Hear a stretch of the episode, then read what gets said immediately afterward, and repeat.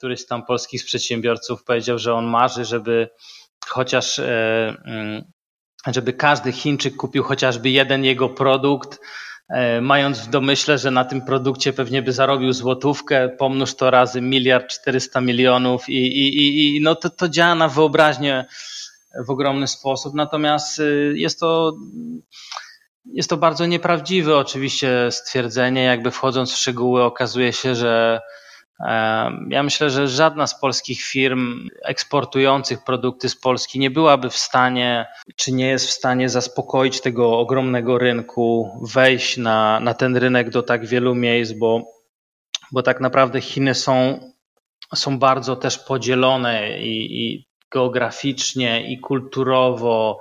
E, nie wiem, północ Chin, Pekin, tak, to e, chociażby myśląc o o warunkach e, klimatycznych, tak, to jest tak jak Warszawa znowu, e, czyli jest zima, lato. E. Dzień dobry, cześć i witaj.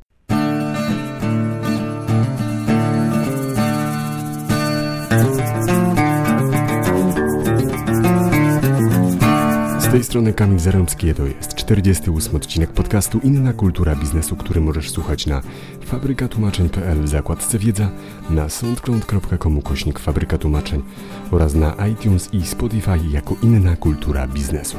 Poruszamy w nim zagadnienia związane z ekonomią, społeczeństwem i różnymi kulturami krajów naszego globu. Ten podcast dedykowany jest przedsiębiorcom, menadżerom oraz wszystkim tym, których interesuje rozwój firmy na rynku międzynarodowym. Zapraszam.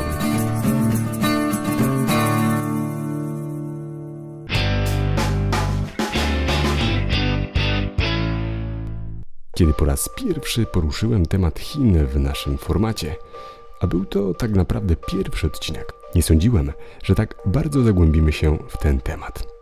Przez ten czas udało mi się porozmawiać z kilkunastoma przedsiębiorcami, dla których rynek azjatycki jest mocnym rynkiem. Jednocześnie pokazuje, jak bardzo trzeba być przygotowanym do współpracy międzynarodowej. Decyzja o współpracy z Chinami może być bardzo opłacalna, ale wiele zależy od tego, jak dobrze się do niej przygotujemy i właśnie tego będzie dotyczył dzisiejszy odcinek. Kiedy zaczynamy zastanawiać się, jak rozpoczynać nową współpracę biznesową na nowych rynkach, myślimy standardami, które funkcjonują w naszej głowie. Wynikają one zazwyczaj z doświadczeń, które zdobyliśmy na rodzimym rynku. Chcemy je przełożyć również na inne relacje biznesowe poza naszym krajem. O ile do pewnego stopnia jest to możliwe w kulturze europejskiej, to zdecydowanie inaczej należy podejść do budowania swojej pozycji na rynku azjatyckim. Wynika to przede wszystkim z prostego faktu. Jeśli relacja, na której nam zależy, ma przynosić profity biznesowe, musimy się dopasować do standardów, które obowiązują w miejscu rodzimego zamieszkania naszego partnera biznesowego. Musimy również szerzej spojrzeć na taki proces i nauczyć się elementów komunikacji oraz pierwszych kroków, które nie przekreślają od samego początku naszego y, założenia. Nie mówię tutaj tylko i wyłącznie o komunikacji w języku chińskim. Gość dzisiejszego odcinka postanowił podzielić się z nami swoją wiedzą w zakresie współpracy z Chinami od strony handlowej i logistycznej. Aktualnie zajmuje się importem e, z tego kraju w Poczcie Polskiej, ale jest jednocześnie e, prezesem zarządu Poland Hong Kong Business Association, który pomaga Polakom w pierwszych krokach na rynkach czerwonego smoka. Przed Wami Bartosz Michalak. Zapraszam bardzo serdecznie.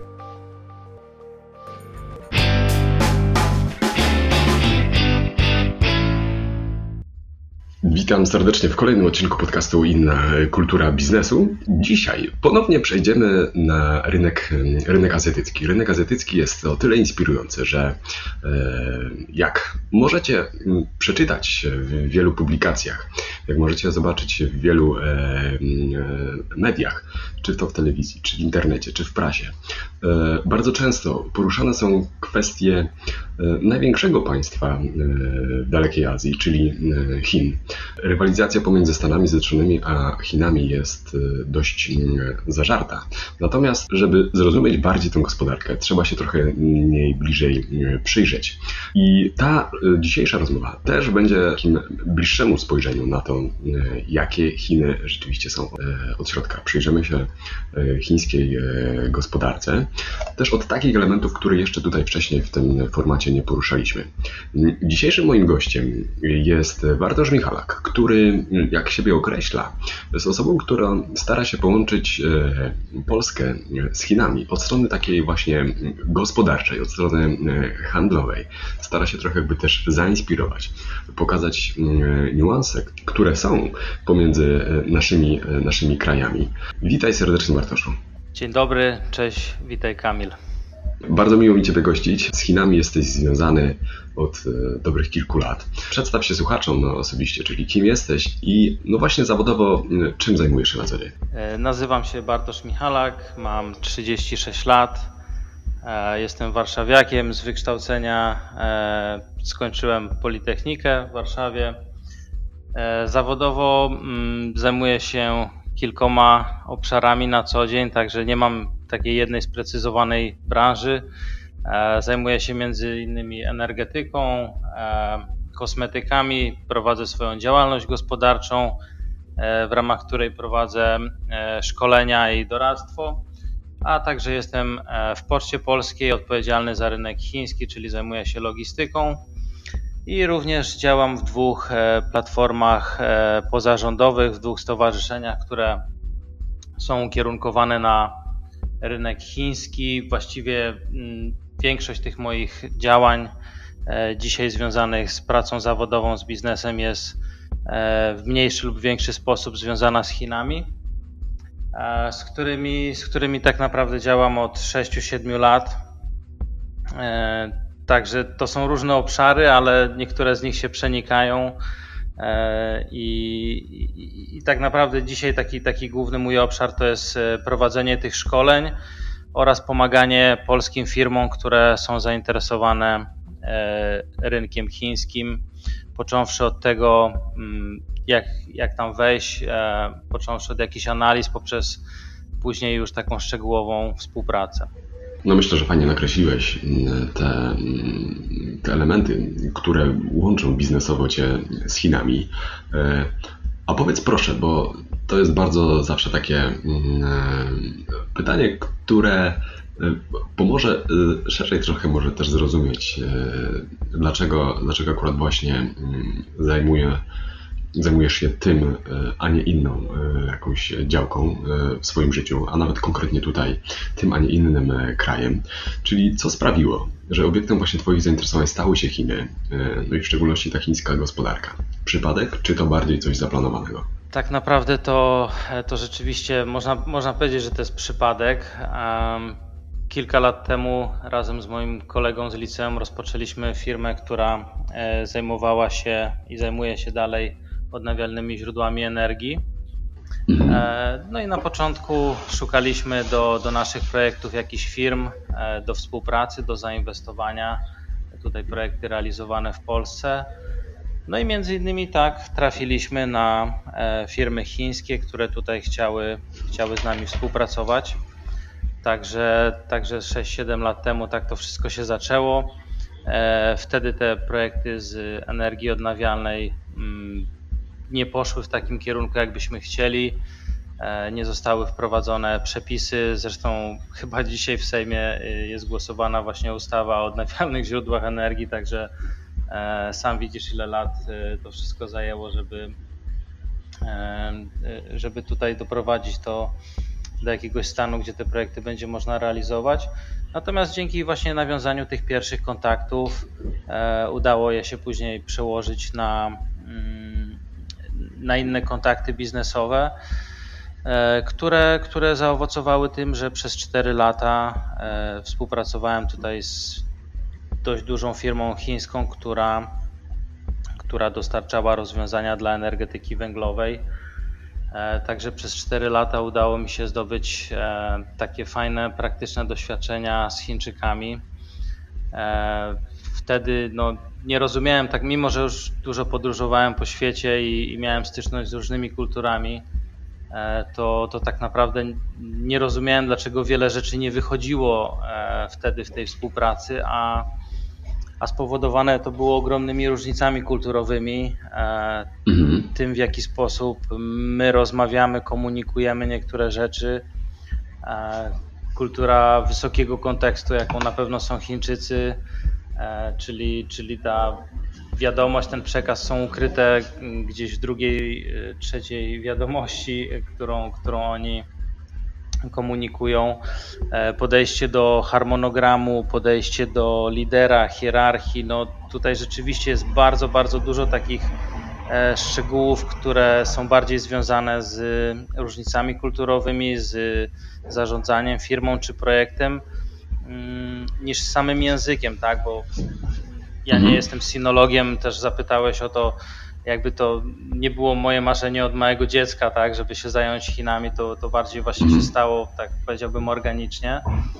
Mhm. E, natomiast te Chiny bardzo mnie wciągnęły. To znaczy, mm, jest to, jest to zupełnie odmienna kultura od naszej, ale też wydaje mi się, że cały czas nieodkryta. I, i, również biznesowo ten, ten potencjał w Chinach jest ogromny. Mhm. To, jest, to jest dzisiaj druga gospodarka na świecie, e, tak. a, a, a według tam PKB parytetu siły nabywczej nawet pierwsza. E, na mhm. pewno największa, jeżeli chodzi o, o liczebność ludności i a z, a z, drugiej strony mówię, my w Polsce w ogóle mało bardzo wiemy o Chinach, ale też wydaje mi się, że, że cały świat mało o nich wie, bo dzisiaj wspomniałeś o tej wojnie handlowej USA-Chiny, mhm. to, to ci wszyscy tacy e, m, główni analitycy, geopolitycy e, w Stanach e, razem, razem głoszą, że jakby największym błędem Amerykanów jest to, że oni po prostu nie znają Chin bo, bo, Chi, bo Chińczycy od wielu lat jeżdżą do, do Stanów, studiują tam, analizują to. E, można powiedzieć, że jeszcze 10, 15, 20 lat temu oni się bardzo inspirowali Ameryką. E, specjalnie okay. nie chcę tutaj użyć e, e, słowa mm, kopiowali, bo, bo to też jest troszeczkę mm, inna mentalność w Chinach. E, natomiast mhm. było bardzo mocno widać tą inspirację. A, a dzisiaj właściwie w wielu obszarach Chińczycy e, stają się liderami. Tak? Ja specjalnie podkreślam to, że oni się dopiero stają, bo, bo myślę, że to w najbliższych latach e, będzie widać bardziej wyraźnie w takich obszarach jak nowe technologie, robotyka, sztuczna inteligencja, to, to właśnie ze względu na, na wytworzenie mm, takiego ciekawego ekosystemu, na to, że oni tam zainwestowali, to, to, to będą liderami. Także Chiny troszeczkę z przypadku, natomiast rzeczywiście wciągnęły mnie i, i, i, cały, czas, y, cały czas są dla mnie interesujące, cały czas je odkrywam. No i staram się wykorzystywać te, te, te moje doświadczenia. Bardzo często mm, jak, jak dzwonią do mnie firmy, osoby, które, które zaczynają już coś robią w Chinach, E, mhm. to zauważyłem, że z, bez względu na to, w jakiej są branży, czy, czy chcą coś eksportować, nie wiem, może jakieś artykuły spożywcze, czy, czy jakieś maszyny, czy są to jakieś startupy, które zaczynają tam działalność, to zauważyłem, że te pytania e, bardzo często się powtarzają. Właściwie zawsze te pytania są podobne, zawsze te pytania są, sprowadzają się do tych samych wyzwań, jakichś problemów. E, z którymi ja się mm, miałem okazję zetknąć, także, mm, także to są właśnie te różnice kulturowe, które, które mówię, bez względu na to, w jakiej jesteś branży, w jakim obszarze działasz, to, to z nimi się zetkniesz prędzej czy później. I, to jest największe mhm. wyzwanie na dzień dzisiejszy. No ja myślę, że do tego w takim razie przejdziemy też do tego, do tego elementu, bo to on jest zawsze e, bardzo, bardzo interesujący. Zresztą w, w tym formacie bardzo często, praktycznie w każdym odcinku poruszamy te, e, te elementy, bo jak się okazuje, nie tylko, tak jak ty wspominasz, e, kraj e, dalekiej Azji, czyli Chiny, mają różnice kulturowe, ale również czasami w niuansach. Dzieje się to na starym kontynencie, czyli w Europie. I ten, kto głębiej nie wejdzie w jakąś gospodarkę, w mentalność, w społeczeństwo, w sposób myślenia, w sposób podejmowania decyzji i nie rozbuduje sobie trochę takiego też rysu psychologicznego e, swojego klienta, e, nie tylko od takich klasycznych, takich klasycznego takiego zwymiarowania klienta, jak to się robi w, w kraju, w którym się działa, ale złapie szerszy kontekst, no to wtedy tak naprawdę możemy dopiero zrozumieć, jak działa gospodarka danego kraju i no, jakie są priorytety, nawet tak trzeba powiedzieć, we współpracy z partnerami z innych, z innych krajów. Powiedz proszę, bardzo często tutaj jakby też rozmawiamy o tych własnych doświadczeniach.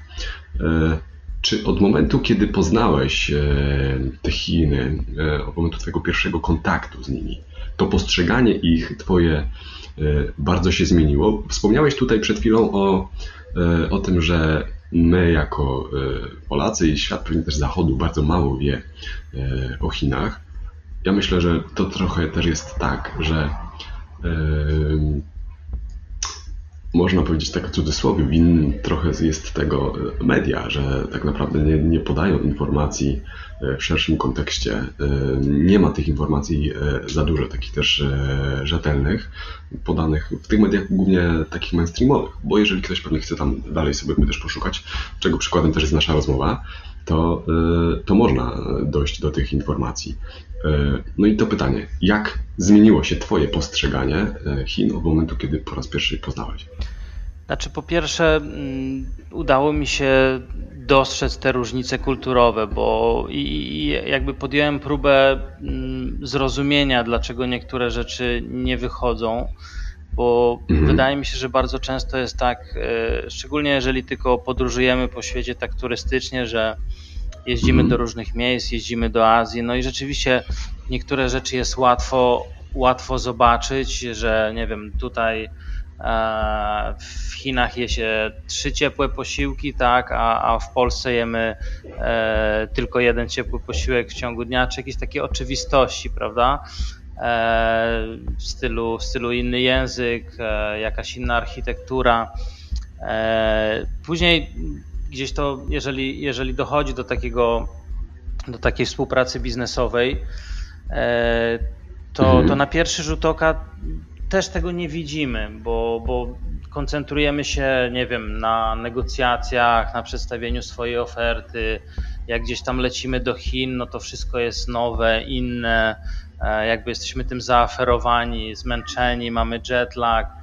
Natomiast jak, jak już później wejdziemy w tą współpracę, czyli po prostu zazwyczaj jesteśmy, tak mi się wydaje, za bardzo zajęci takimi naszymi codziennymi sprawami, E, I, I, nagle okazuje się, że w współpracy z Chińczykami niektóre rzeczy, które działają w Polsce, nie działają w Chinach. I jakby niewiele, wydaje mi się, że niewiele osób ma czas nad tym się zastanowić, dlaczego tak się dzieje. E, mhm. A z drugiej strony, z drugiej strony, jakby to, że niektóre rzeczy, które działają w Polsce, nie działają w Chinach, to, to nie znaczy, że w tych Chinach my nie możemy działać. To po prostu musimy znaleźć troszeczkę e, inny sposób myślenia, jakiś inny sposób działania. E, może dostosować, nie wiem, swoją usługę, swój produkt, troszeczkę, troszeczkę zmienić. Natomiast to wymaga takiego pewnego zastanowienia się i zrozumienia. I, i, I, ja powiem szczerze, no ja szarpałem się 4 lata, żeby, e, żeby jakoś tą współpracę budować. Okazało się, że tutaj w praktyce, jak e, nie wiem, na przykład prosta rzecz, prowadzenie spotkań biznesowych, gdzie, mhm. gdzie, gdzie w Polsce my jesteśmy przyzwyczajeni do i właściwie jesteśmy wychowywani tak od, od najmłodszych lat do tego, żeby robić jakieś kontrargumenty, do tego, żeby robić taką dosyć mm, burzliwą wymianę zdań, burzę mózgów podczas spotkań, mm prawda? To jest dla nas mm takie oczywiste, bo, bo tak zostaliśmy wychowani.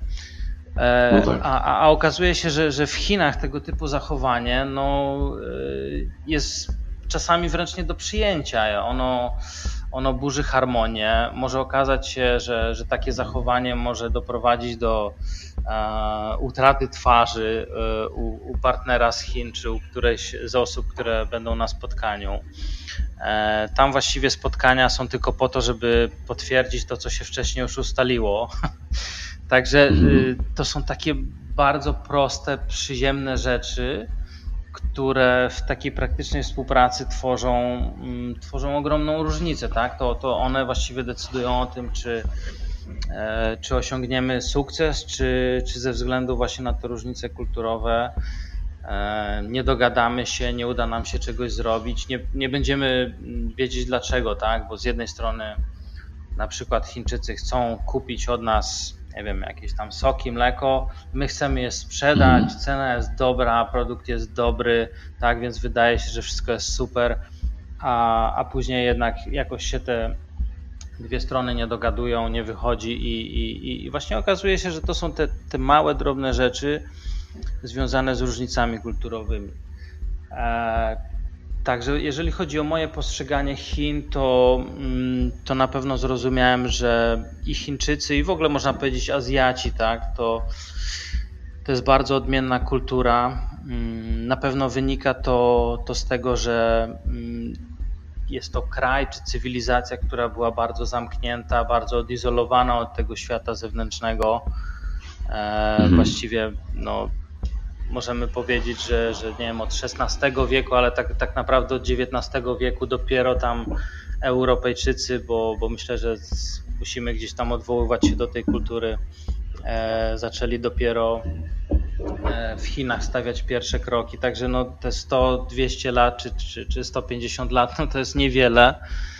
E, ale i tak takie kraje jak tam Wielka Brytania, Francja e, mają ogromną przewagę dzisiaj nad, nad nami, e, nawet patrząc na tą wymianę handlową, czy, mm, czy to jak oni sobie tam radzą. E, ale no jest to właśnie spowodowane tym, że, że oni się rozwijają tam od 150 lat. W samym Hongkongu jest 20 tysięcy Francuzów, gdzie, gdzie Polaków jest, nie wiem, 100, 200, może 300, także to, to też pokazuje, dlaczego e, dlaczego polskiego biznesu jest tam na razie mniej, tak? bo, bo my tak naprawdę e, nie mówię o nielicznych firmach, tak, w stylu Chipol Brock, które, które tam od nie wiem, 50 lat czy iluś są obecne w Chinach. Natomiast no, dla większości polskich biznesów to są takie, takie pierwsze kroki. E, mhm. Także różnice kulturowe. Na, na pewno m, mm, taką myślę śmieszną może rzeczą jest to, że ja zacząłem doceniać życie w Polsce po, po, po tych wyjazdach, po tym czasie spędzonym w Chinach, gdzie mhm. będąc w tych takich mega metropoliach mm, i, i, i, widząc je tak naprawdę pierwszy raz w życiu ileś lat temu, e, gdzie, gdzie w Europie no, my nie mamy szansy tego doświadczyć. Tak? Nie, nie, nie ma takich miast, gdzie jest po 10, 20, czasami nawet 30 milionów ludzi w jednym to jest w ogóle ciężko nazwać miasto, to są jakieś megapolis, tak?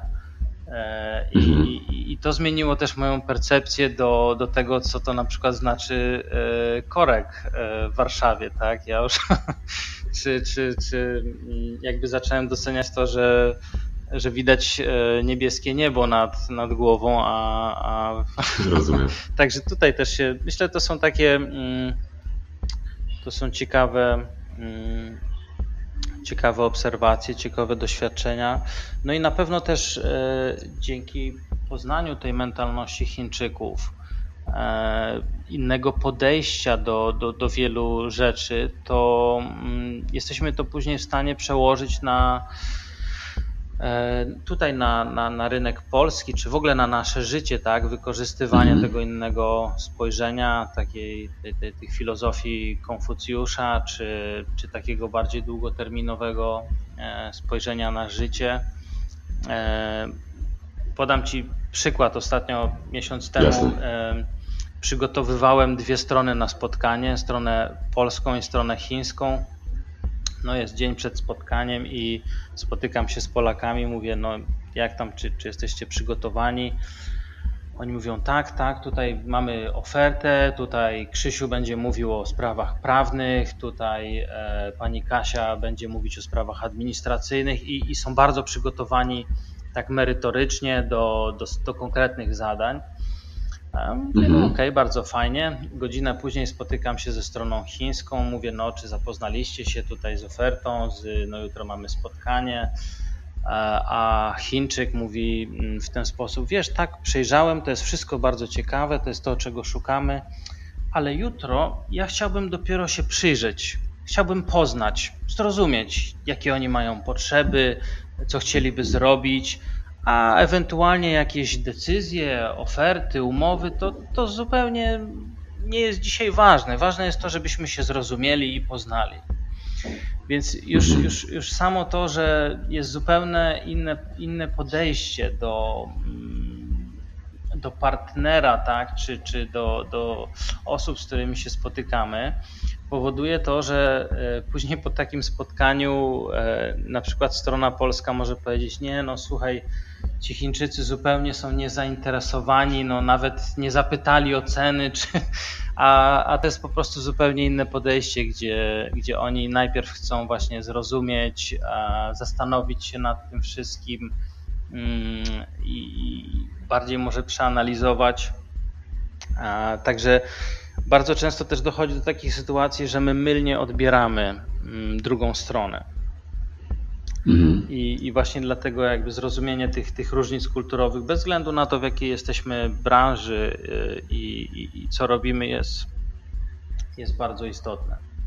Kolejne takie pytanie, które chciałbym, żeby, mm, żeby słuchacze poznali na nie odpowiedź, y, to jest y, ten element taki współpracy biznesowej, współpracy być może właśnie na początku e, takiej handlowej, co jest takim elementem chińskiej gospodarki dla polskiego przedsiębiorcy, e, by rzeczywiście on musiał się nim zainteresować. To znaczy, to, to pytanie jakby też jeszcze rozwinę, ponieważ chodzi mi tutaj o to, czy musimy myśleć w kontekście współpracy z Chinami tylko i wyłącznie o imporcie z Chin właśnie jakichś produktów, E, czy tak naprawdę możemy też myśleć e, częściej e, o tym, żeby do Chin eksportować?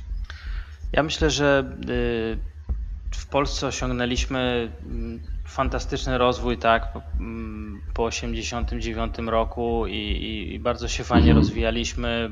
Robimy bardzo dużo teraz eksportu do, głównie do Europy, tak? I, i jakby ten, ten, ten trend, czy e, ta specyfika no, musi pozostać, tak? bo, bo te kraje europejskie są nas najbliżej e, i, i kulturowo, i, i też, nie wiem, patrząc na samą logistykę, łatwość prowadzenia tego biznesu, więc tak pewnie będzie. E, natomiast no, przez te ostatnie 20 lat świat się bardzo zmienił i, i te Chiny bardzo, bardzo urosły. To jest dzisiaj druga gospodarka na świecie i właściwie obserwujemy coś, co było może nawet nie, nie do pomyślenia, tak, e, e, jakieś mhm. 20-30 lat temu, że to, to centrum światowego biznesu, ono się przenosi z Europy, z Ameryki, z tego świata zachodniego właśnie do Chin.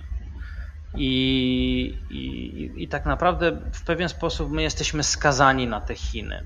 To znaczy w tym sensie, że że dzisiaj nie ma wyjścia. To znaczy, z jednej strony zapytałeś o, o import. Ja myślę, że są, są branże, które e, na przykład, jeżeli jesteś producentem elektroniki użytkowej, nie wiem, produkujesz telefony, telewizory, drony, jakieś kamerki, e, wszystkie te rzeczy, bez których my dzisiaj nie jesteśmy w stanie żyć, e, to, to prędzej czy później musisz trafić do Chin, musisz trafić do miejsca, gdzie to wszystko jest produkowane, gdzie, gdzie, gdzie dzisiaj tak naprawdę te, te wszystkie innowacje albo większość tych innowacji one właśnie powstają tam na, na, na południu Chin, w Shenzhen, w prowincji Guangdong, gdzie, gdzie 30 lat temu, 40 lat temu to amerykańskie firmy lokowały swoje fabryki, żeby obniżyć koszta, tak, nie wiem, Apple, Dell i tak dalej, i tak dalej.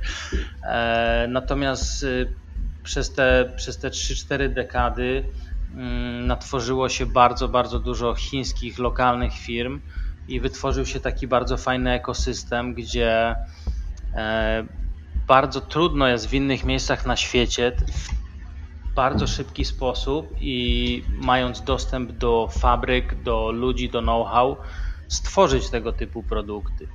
E, z drugiej strony e, zapytałeś o eksport. No, jeżeli dzisiaj te, te polskie firmy, mm, małe, średnie przedsiębiorstwa, liderzy, liderzy polskiego biznesu, polskiego eksportu bardzo fajnie się rozwijali, nie wiem, powiedzmy 20 lat temu zaczęli wysyłać do Niemiec, Wielkiej Brytanii, później to rozszerzyli Włochy, Portugalia, teraz jakieś kolejne kraje, nie wiem, w stylu Chorwacja, e, Grecja dochodzą, to, to jakby dochodzimy do, do momentu, gdzie bardzo ciężko jest się dalej rozwijać. Mm, I, i ja obserwuję od 5-10 lat właśnie, mm, że te duże polskie firmy, e, nie wiem, chociażby Maspex, czy, czy Sante, czy firmy mhm. produkujące mleko, które osiągnęły po kilka miliardów przychodu rocznie tutaj w Polsce i eksportując na Europę, e, no nagle mhm. muszą szukać nowych rynków, tak? No jest pytanie, mm, gdzie tych rynków szukać. E, no i oczywiście y, jakby jednym z pierwszych skojarzeń i, i, i, słusznych jest, jest Azja, to są Chiny czy, czy Indonezja, takie dwa duże rynki. E, Chiny to jest miliard 400 milionów ludzi, tak? Więc już, już jakby samo to stwierdzenie działa na wyobraźnię.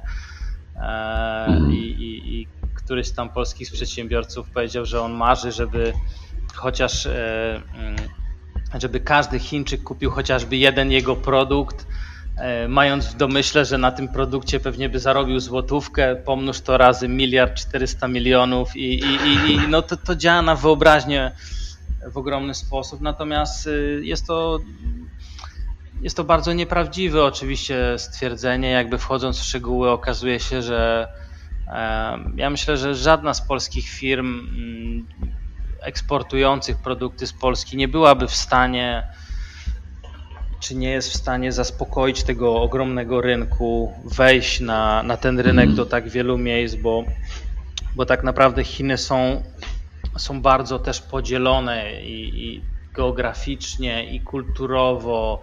E, nie wiem, północ Chin, Pekin, tak, to e, chociażby myśląc o, o warunkach e, klimatycznych, tak, to jest tak jak Warszawa, znowu czyli jest zima, lato e, i, i tutaj, mhm. nie wiem, jakieś tam produkty mm, e, bardziej takie o specyfice polskiej pasują, a czy, czy chociażby mm, miałem kontakt z taką firmą, która eksportuje e, maszyny do produkcji sztucznego śniegu, tak? No to wiadomo, że, że oni muszą się skoncentrować na, na jakichś wybranych prowincjach, gdzie są góry, gdzie, gdzie tego typu um, specyfika jest dla ich produktu. No a później mamy południe Chin, gdzie, gdzie jest zupełnie jakby inny klimat, e, e, wegetacja trwa cały rok, to też sprawia, że, że ci ludzie tam żyją troszeczkę inny sposób, e, jest zapotrzebowanie na troszeczkę inne produkty, także jakby spojrzenie na, na, na Chiny jako ten miliard 400 milionów ludzi, jako dwa razy Unia mhm. Europejska, no z jednej strony jest fajne właśnie gdzieś tam, żeby napisać w mediach, e, to, to ludzi przyciąga, ale już tak później w praktyce to jest coś nierealnego i, i dlatego też taka mm, bardzo pierwsza, ale podstawowa, myślę, porada dla każdego polskiego przedsiębiorcy jest taka, żeby się skoncentrować na wybranym regionie, na nie wiem, wybranej prowincji, na wybranym mieście na początek, mhm. E, żeby mhm. tam skoncentrować swoje działania. E, właśnie jeżeli mamy jakiś produkt, który, który jest bardzo specyficzny, nie wiem, produkujemy jakieś e, maszyny albo mm, mm, chcemy produkować czy, czy współpracować z firmami technologicznymi, e, to wtedy, wtedy południe Chin, wtedy prowincja Guangdong. Jeżeli, nie wiem, mamy jakiś sprzęt powiedzmy do sportów zimowych, to wtedy północ Chin, Harbin, tak, tam gdzie tam, gdzie kiedyś e, Polacy uciekali e, z Syberii, to, to takie można powiedzieć polskie miasto w Chinach. Także e, warto, mhm. warto jako taki mm, jako taki pierwszy w ogóle krok dla, dla eksporterów z jednej strony zainteresować się tym rynkiem, bo, bo potencjał jest ogromny, e, są różne nisze, w których można działać, ale mówię, z drugiej strony też nie dać się omamić tą, tą wizją podboju Chin, bo to jest po prostu niemożliwe. Mm, należy się skoncentrować na jakimś wybranym, e, wybranym regionie, mm, zacząć współpracę tam z lokalnymi przedsiębiorcami, partnerami czy czy może z polskimi firmami. E, co prawda nie jest ich za wiele, ale, ale trochę jest, także to też jest bardzo fajny, e, bardzo fajny sposób działania, kierunek, tak, współpraca e, z Polonią, z polskimi przedsiębiorcami będącymi tam na miejscu. Także druga gospodarka świata, ogromny rynek, 400 milionów ludzi, którzy przez ostatnią dekadę czy dwie stali się taką klasą średnią, więc Mhm. Potencjał jest ogromny, tylko trzeba bardzo skonkretyzować e, swoje, swoje działania. Czy myślisz, że w obszarze takiej współpracy biznesowej z firmami chińskimi e, większy potencjał jest na współpracę taką typowo w obszarze B2B, czyli tak naprawdę e, ostatecznie odbiorcą naszych rozwiązań, naszych usług, naszych produktów są firmy, czy bardziej jesteśmy w stanie, albo w, szybkim, w, szybszym, w szybszym stopniu jesteśmy w stanie osiągnąć jakiś tam e, sukces wymierny, e, oferując nasze produkty dla rynku B2C, czyli dla przysłowiowego konsumenta. To są, to są dwa y, bardzo różne jakby modele działania. E, ja myślę, że, że mhm. większość tych przykładów, z którymi ja miałem do czynienia, to, to jednak mhm. jest B2B i, i mhm. jest to spowodowane, mm, spowodowane również kosztami, tak? bo, bo wejście dla polskiej firmy, która nie wiem, handluje jakimiś produktami spożywczymi do tego, e, żeby tam na miejscu rozwijać swoją sieć, no to wiadomo, wiązałoby się z zatrudnieniem e, sprzedawców, e, dość dużym marketingiem, bo bo te Chiny, tak jak powiedziałem, to jest ten miliard 400 milionów ludzi, ogromny rynek, no ale pamiętajmy też, że ogromna konkurencja. E, no tak. Bo jeżeli w Polsce, nie wiem, powstaje jakiś trend, mm, przykładowo wypożyczalnie rowerów, tak, to, to, to w mhm. Polsce tych firm będzie zaraz 5-10, tak, bo, bo przedsiębiorcy zobaczą, że jest trend, robi się konkurencja, robi się ciasno, a, a w Chinach tych firm mm. powstanie 100, 200 albo 1000 w przeciągu tygodnia, więc, więc pamiętajmy, pamiętajmy też, że i, i, i rzeczywiście tak jest, e, bo, bo Chińczycy też mają taką e, naturę bardzo przedsiębiorczą, ale z drugiej strony też naturę e, takich hazardzistów, tak? Więc oni bardzo często wchodzą w jakieś nowe przedsięwzięcia, dużo ryzykują, a ale tak jak mówię, ta konkurencja jest tam ogromna. Także e, ja myślę, że, że, że B2B to jest taki pierwszy dobry obszar, to znaczy znalezienie sobie jakiegoś partnera w Chinach, e, który właśnie zajmie się powiedzmy tak ogólnie tymi lokalnymi chińskimi sprawami, e, czyli, czyli pomoże nam wprowadzić produkt na rynek, bardzo często mm, skorzysta już ze swojej sieci dystrybucji. E, oczywiście dla, dla polskiej firmy oznacza to, że mm, nie sprzedajemy do klienta końcowego, może ta, e, ta marża na, na produkcie jest mniejsza, natomiast no jest, to, mhm. jest to dobry pierwszy krok tak, do, do tego, żeby później się mhm. dalej rozwijać, żeby w ogóle zaistnieć tam, tam na rynku. E, oczywiście są też branże, gdzie, gdzie, gdzie możemy e, bezpośrednio dotrzeć do klienta. Takim przykładem, e, który, który mm, się fajnie rozwija, jeżeli chodzi o Polskę, no to są gry komputerowe. Ten obszar w Polsce powstaje bardzo dużo międzynarodowych aplikacji czy gier, które, które mhm. właściwie bez względu na regionalizację mogą być używane.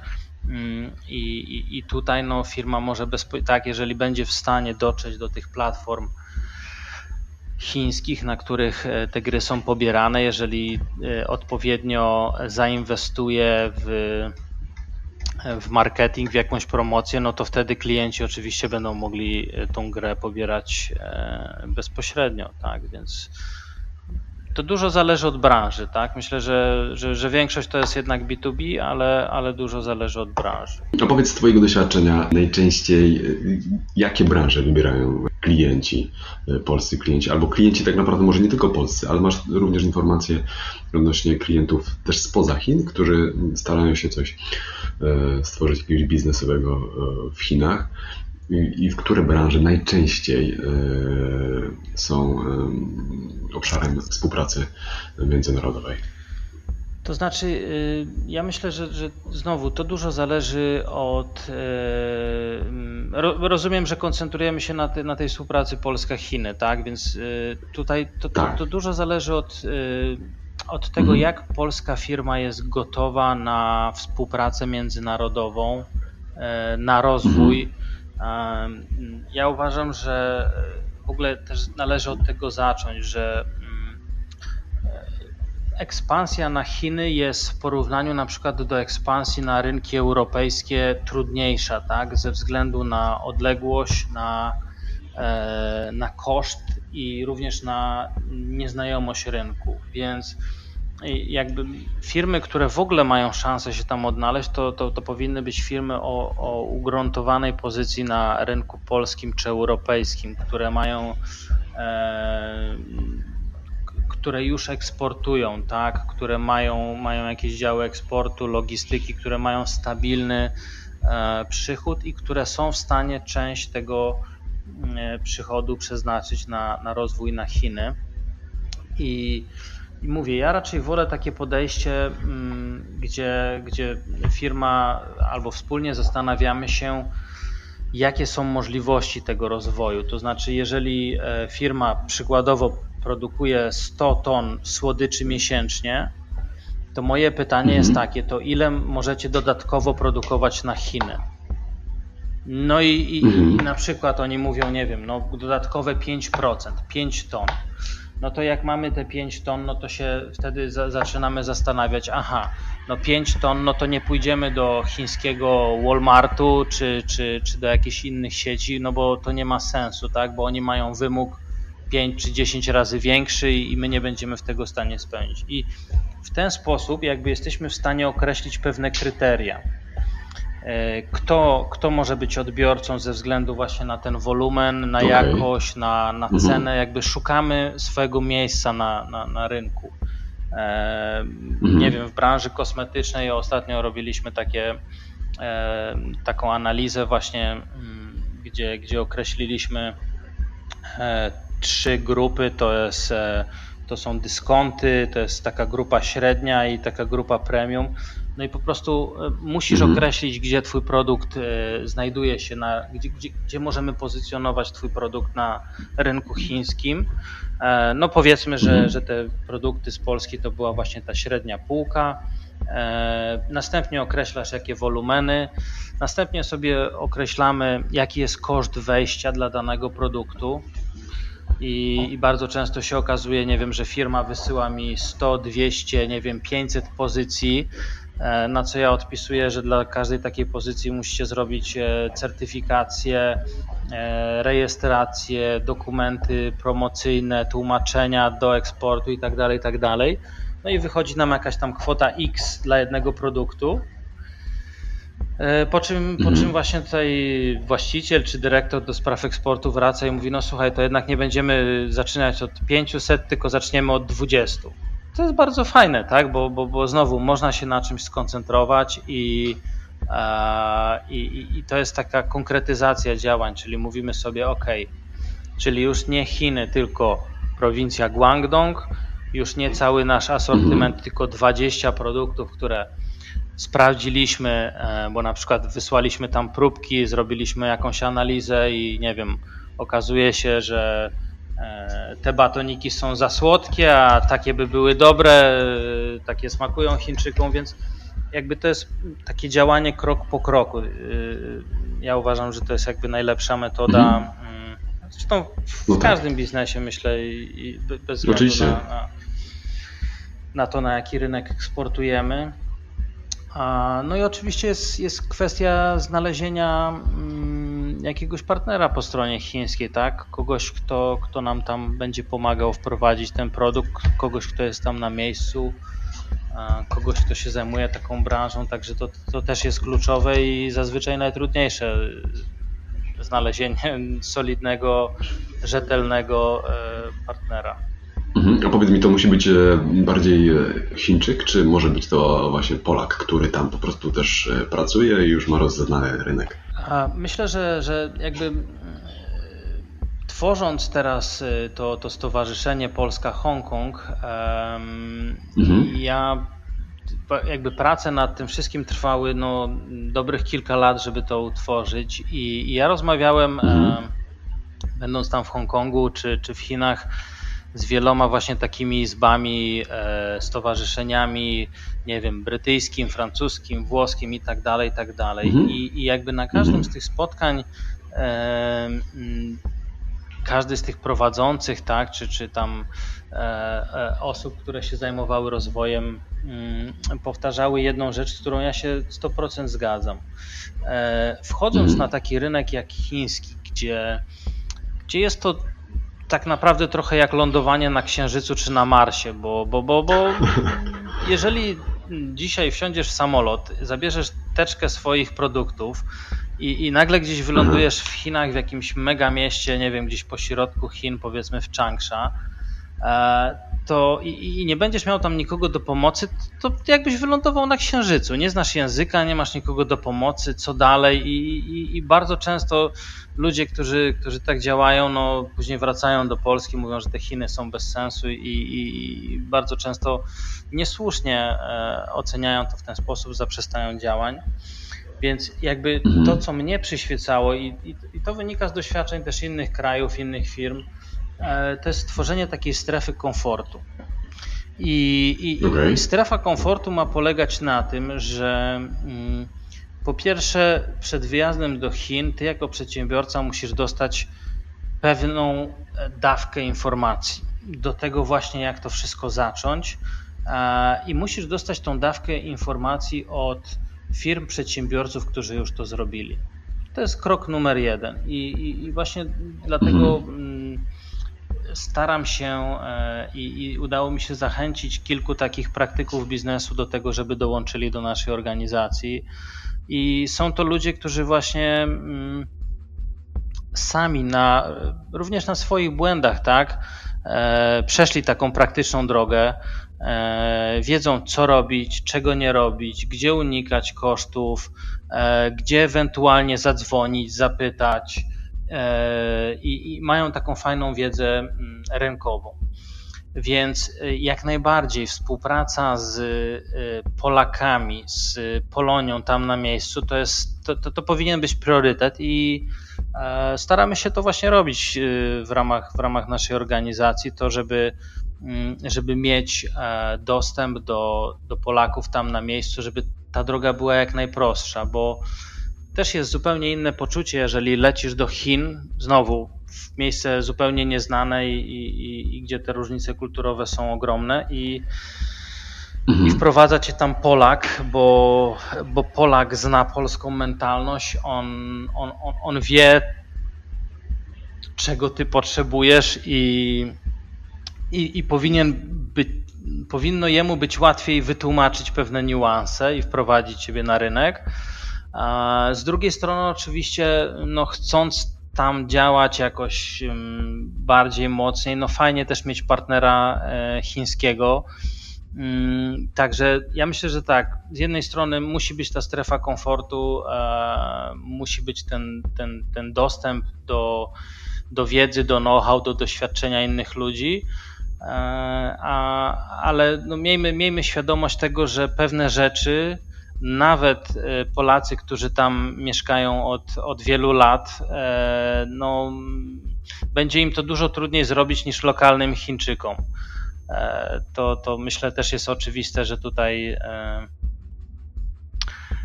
współpraca z Chińczykiem, którego E, rodzina od, od e, iluś tam lat, czy, czy prowadzi tak w danym obszarze e, rozwiązania biznesowe, no, no też nie, nie przeskoczymy tak, niektórych rzeczy. Także Także polecam, polecam działać dwutorowo, tak? E, I, i, I, robić tą współpracę, korzystać z doświadczeń e, innych ludzi, e, rozmawiać z, i z Polakami, mm, bo to daje poczucie właśnie takiej strefy komfortu i szukać równolegle też partnera w, w Chinach, mm, który, który będzie z branży, będzie nas wspierał i, i, oczywiście będzie zainteresowany też tą współpracą. No ja myślę, że to są te wskazówki takie, które ciekawe, które też e, poruszyłeś e, i tyczą się one z jednej strony rynku chińskiego, ale również też innych e, rynków.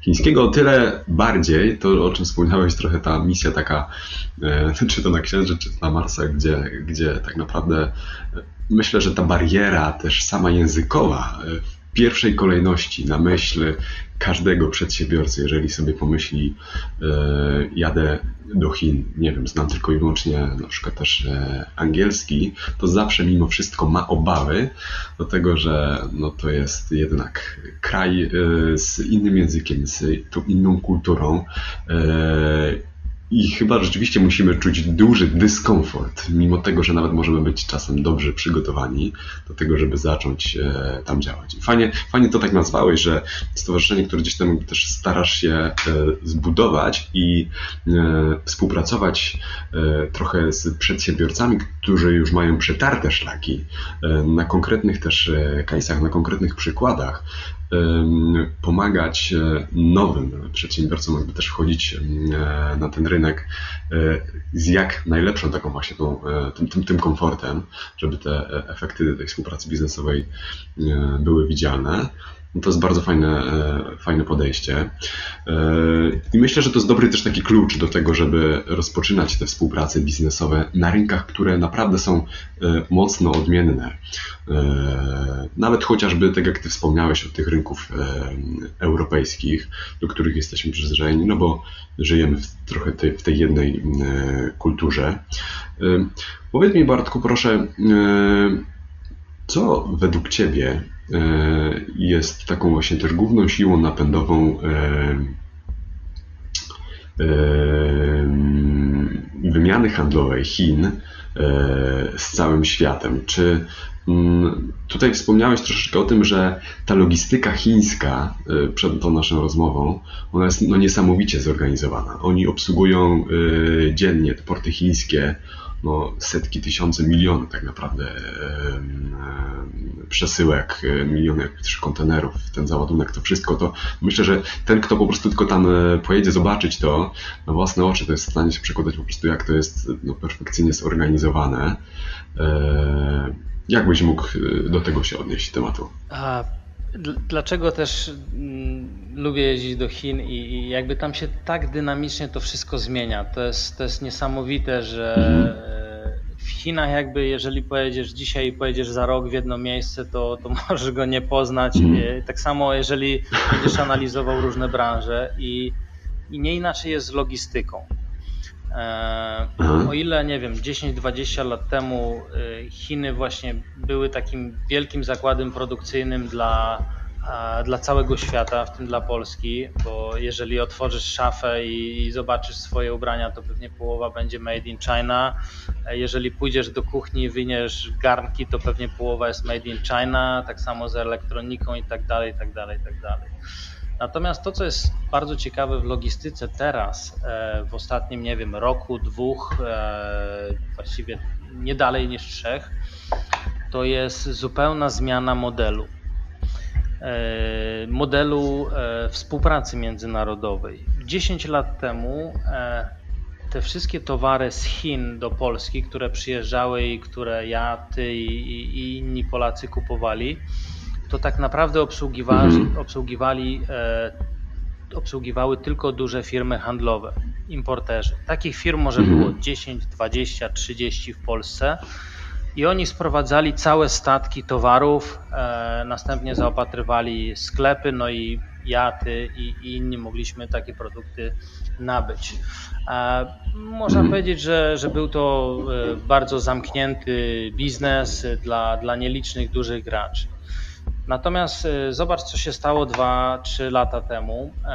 Zupełnie zmienił się ten mhm. model, gdzie dzisiaj możesz sobie wejść na e, wiele różnych platform. Oczywiście najbardziej popularną jest AliExpress, e, gdzie każdy, e, dosłownie każdy może kupić byle co, wszystko i byle co, ja mówię oczywiście to w przenośni, z Chin i zamówić to jako paczkę czyli e, jakby zmienił się kompletnie rynek logistyki z tego zamkniętego, e, hermetycznego rynku kilku, kilkunastu dużych firm e, do tego, że ten rynek jest dzisiaj zupełnie otwarty, on się zupełnie zmienił.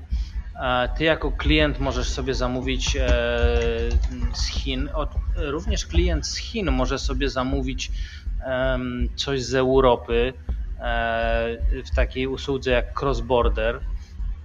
Więc e, z jednej strony e, jest zupełna zmiana tego łańcucha dostaw, jest skrócenie, tak? bo, bo oczywiście ten duży pośrednik, który wcześniej zaopatrywał, to, to też pobierał swoją marżę, prowizję i tak dalej, i tak dalej. Dzisiaj ty kupuj, masz możliwość tak, kupienia, może nie zawsze bezpośrednio od producenta, bo to też są wyspecjalizowane firmy, E, ale masz możliwość zakupu mniejszej ilości produktów, czyli ty możesz sobie kupić e, sam, nie wiem, e, mikrofon do robienia podcastów czy drona do nagrywania wideo bezpośrednio od chińskiej firmy i zapłacić mhm. teoretycznie mniej niż, niż byś to zrobił kupując w polskim sklepie przez dużego importera. Możesz też, będąc mm, mikro, małą, średnią polską firmą, zamówić sobie na przykład E, paletę jakichś tam produktów. Nie musisz już kupować całego konteneru, czy znowu e, robić tego od pośrednika. I w związku z tym mhm. e, jakby powstała potrzeba rozwoju bardzo wielu usług związanych z tego typu logistyką drobnicową. Także powstały nowe mhm. firmy, powstały, powstało jakby masa nowych wyzwań, tak, bo do tej pory, mówię do tej pory, nie wiem, 10 lat temu ta logistyka między Chinami a Polską to, to w głównej mierze było połączenie morskie. Ono jest do dzisiaj mhm. e, takim głównym połączeniem, bo ono jest najtańsze. Mm, cały czas ten, ten transport morski jest najtańszy. Natomiast e, ze względu właśnie na ten zmieniający się rynek, na to, że klienci kupują bezpośrednio, e, na, na rozwój e-commerce'u, to też się zmienia, bo, bo, bo dzisiaj klient, jeżeli ty sobie coś kupisz na AliExpressie, to nie chcesz na to czekać 30-40 dni, jak to przypłynie statkiem, tak? Jakby te, te upodobania klientów, rozwój rynku, to, to wszystko zmieniło. E, klient chce mieć towar w parę dni. E, w związku z tym na przykład y, bardzo ciekawe firmy tutaj w Polsce się ulokowały, chińskie, e, które mm, świadczą taką usługę fulfillmentową, gdzie mają magazyn z takimi najbardziej popularnymi produktami sprzedawanymi na Allegro, czy, czy Amazonie, czy innych platformach. E, I, I właściwie mhm. teoretycznie kupujesz na platformie chińskiej AliExpress, ale ten towar już jest tutaj i oni tylko dostarczają go na miejsce.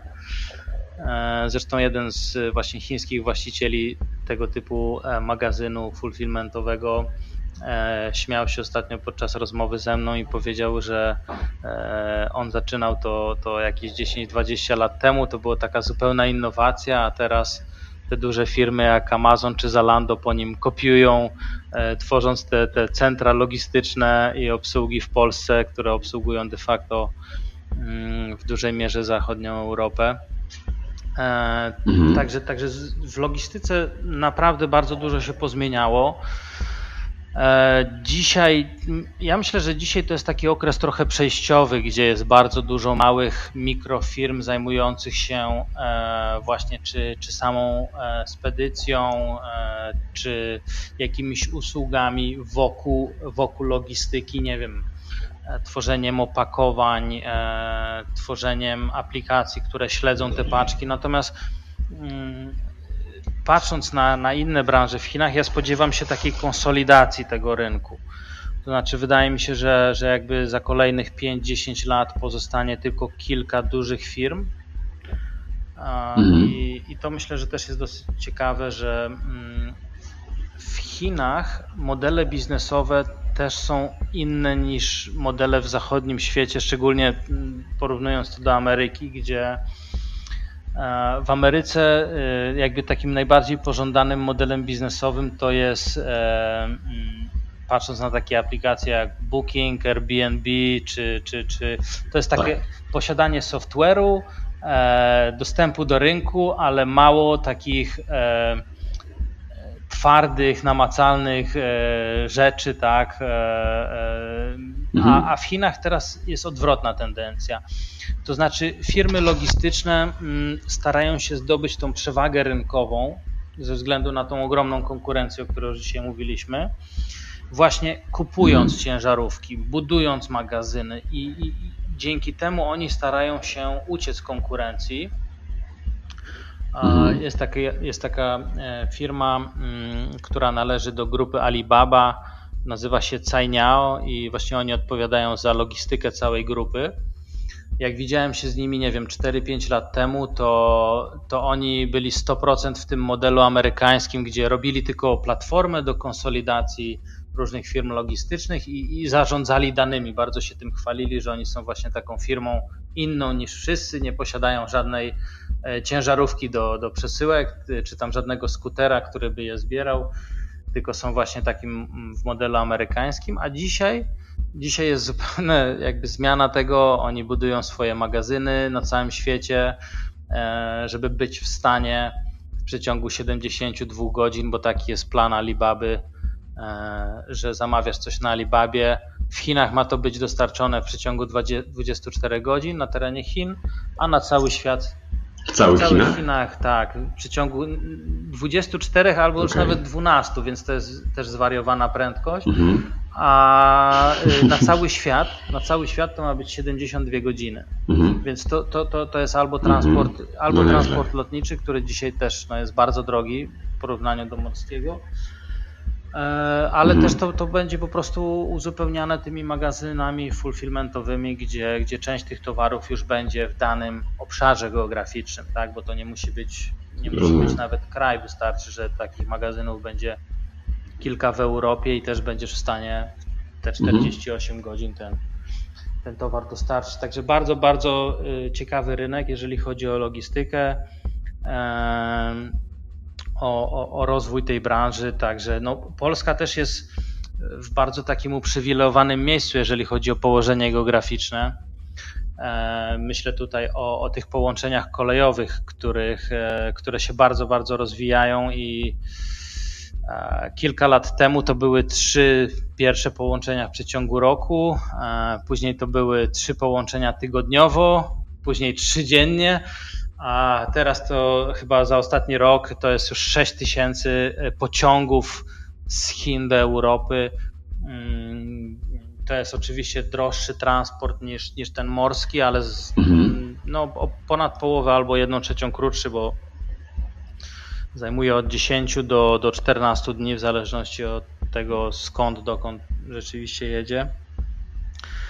Także mhm. bardzo dużo się dzieje w logistyce, bardzo ciekawy obszar i myślę, że to się będzie dalej rozwijać, tak? że, że jednak ta współpraca handlowa, te, te, ta zmiana modelu biznesowego e, na właśnie skrócenie tego łańcucha dostaw e, to jest coś, co, co się będzie dalej bardzo rozwijać. Myślę, że bardzo to ciekawe, e, ciekawe wątki e, poruszyłeś e, i widzę, że widzę, że słychać też po tym, że, że mocno jakby też ten obszar Cię interesuje, ale to ja myślę, że to z tego też względu, że tak jak wspomniałeś i myślę, że to też można bardzo łatwo zauważyć. Branża e-commerce, która no niesamowicie rozwija się cały czas. E, giganci, którzy są e, no, w top 10 tak naprawdę firm, które e, najwięcej zarabiają pieniędzy, no to są oczywiście też duże firmy e-commerce'owe, tak jak czy to właśnie w Stanach jest Amazon, czy Chiny no to jest Alibaba, ale to również widać po Europie, czy nawet po samej Polsce. Allegro tutaj nie musimy, nie musimy dużo jakby też o tym opowiadać. Z ciekawszych nawet rzeczy to od razu też możemy sobie połączyć też taką, taką konotację, że wszystkie te filmy zaczynają się na A. na przykład, tak? Rzeczywiście. Także widać chyba, że to jest chyba też, to jest ten trend chyba nawet taki e, związany z wyszukiwarką, nie? że wpisujemy A jako pierwsze słowo po prostu litery alfabetu i po prostu już nam e, musi, musi się pojawić e, to dane, to dane słowo. No i, e, i co? No i e-commerce tak naprawdę napędził logistykę bardzo mocno i myślę, że logistyka jest, tak mówiąc troszkę kolokwialnie, wdzięczna niesamowicie całej branży e-commerce'owej za to, że po prostu ona się rozwija, bo wcześniej w obszarze typowo B2B e, myślę, że mm, oczywiście bardzo dużo było, bardzo dużo było pieniędzy przechodziło przez, przez, tą, przez tą branżę. Natomiast konsumpcja takiego przykładowego Kowalskiego, idąc w skalę, no to tak naprawdę buduje całe, całe zaplecze i całą, całą, cały sektor mm, logistyczny naprawdę na najwyższym poziomie. A z drugiej strony to, o czym ty opowiadasz, że e, te zawrotne tempo i to, to, to towarów w jak najkrótszym czasie, no to też jest e, dla firm bardzo duże wyzwanie. E, no i konkurencja dla, dla tych graczy, którzy chcą wejść na rynek, no to muszą sprostać tak naprawdę też tym e, wyzwaniom, tym oczekiwaniom. Mm, społeczeństwo coraz bardziej jest nastawione na tu i teraz, po kliknięciu chcemy coś, e, coś mieć.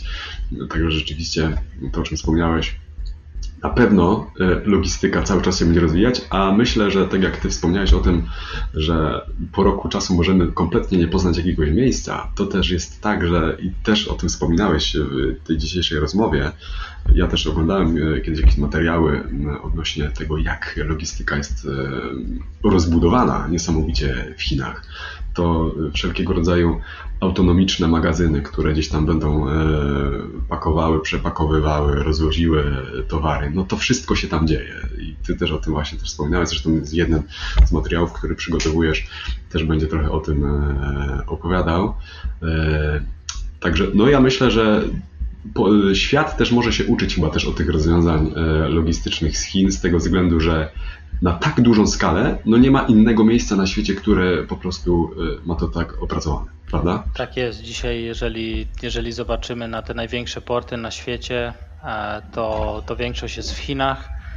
E, także, mhm. także oczywiście no, ze, ze, względu, ze względu właśnie na tą, na tą produkcję, na e, wielkość tego kraju, tej cywilizacji, no, ta logistyka bardzo, bardzo urosła. No, ja myślę, że tutaj warto też jakby pochwalić Chińczyków, bo E, oni w bardzo mhm. inteligentny, znaczy z jednej strony dużo, dużo tego kapitału, e, e, tych pieniędzy do nich trafia, tak, bo my od nich cały czas kupujemy, ale też na, na przykład takie pieniądze trafiają do krajów, gdzie się wydobywa ropę, prawda? Ja miałem okazję w takich krajach mhm. też pracować, chociażby w Afryce. I, i, I, Chińczycy mhm. niesamowicie inteligentnie, bardzo mi się to podoba, inwestują w infrastrukturę. Jest takie chińskie powiedzenie: chcesz być bogaty, zbuduj drogę.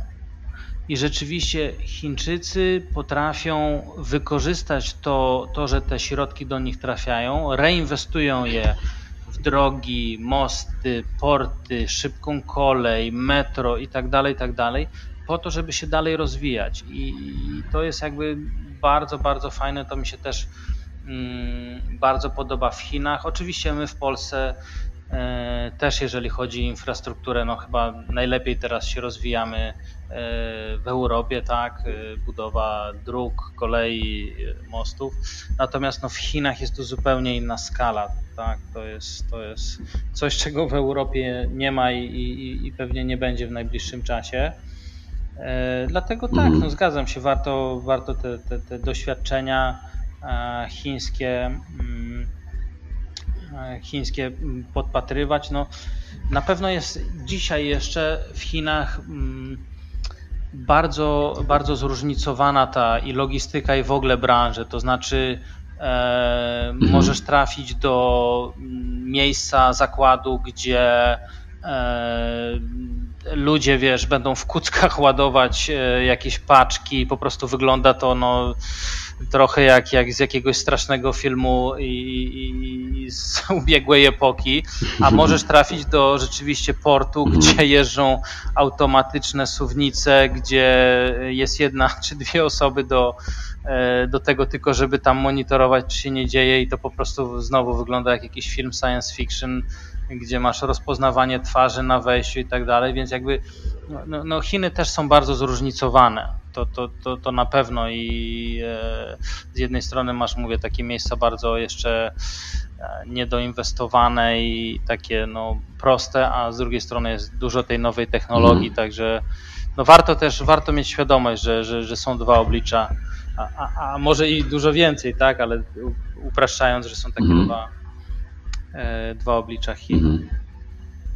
No tak, to jest też, ja myślę, że nie jest niczym odkrywczym, że tak duży kraj z tak dużą y, populacją i powierzchniowo też y, tak, tak duży, na pewno nie jest w stanie w zrównoważony sposób rozwijać się w każdych obszarach, czy to właśnie też geograficznych, czy, czy gospodarczych, no bo są jakieś regiony z centrami biznesowymi, które no niesamowicie się rozwijają i siłą rzeczy muszą się zmieniać i dotrzymać tempu narzuconym przez współprace, współprace biznesowe. No są obszary, które takie mniej strategiczne, które po prostu e, no nie mają takiej, takiej presji i, no i to życie wygląda tam zupełnie też e, inaczej.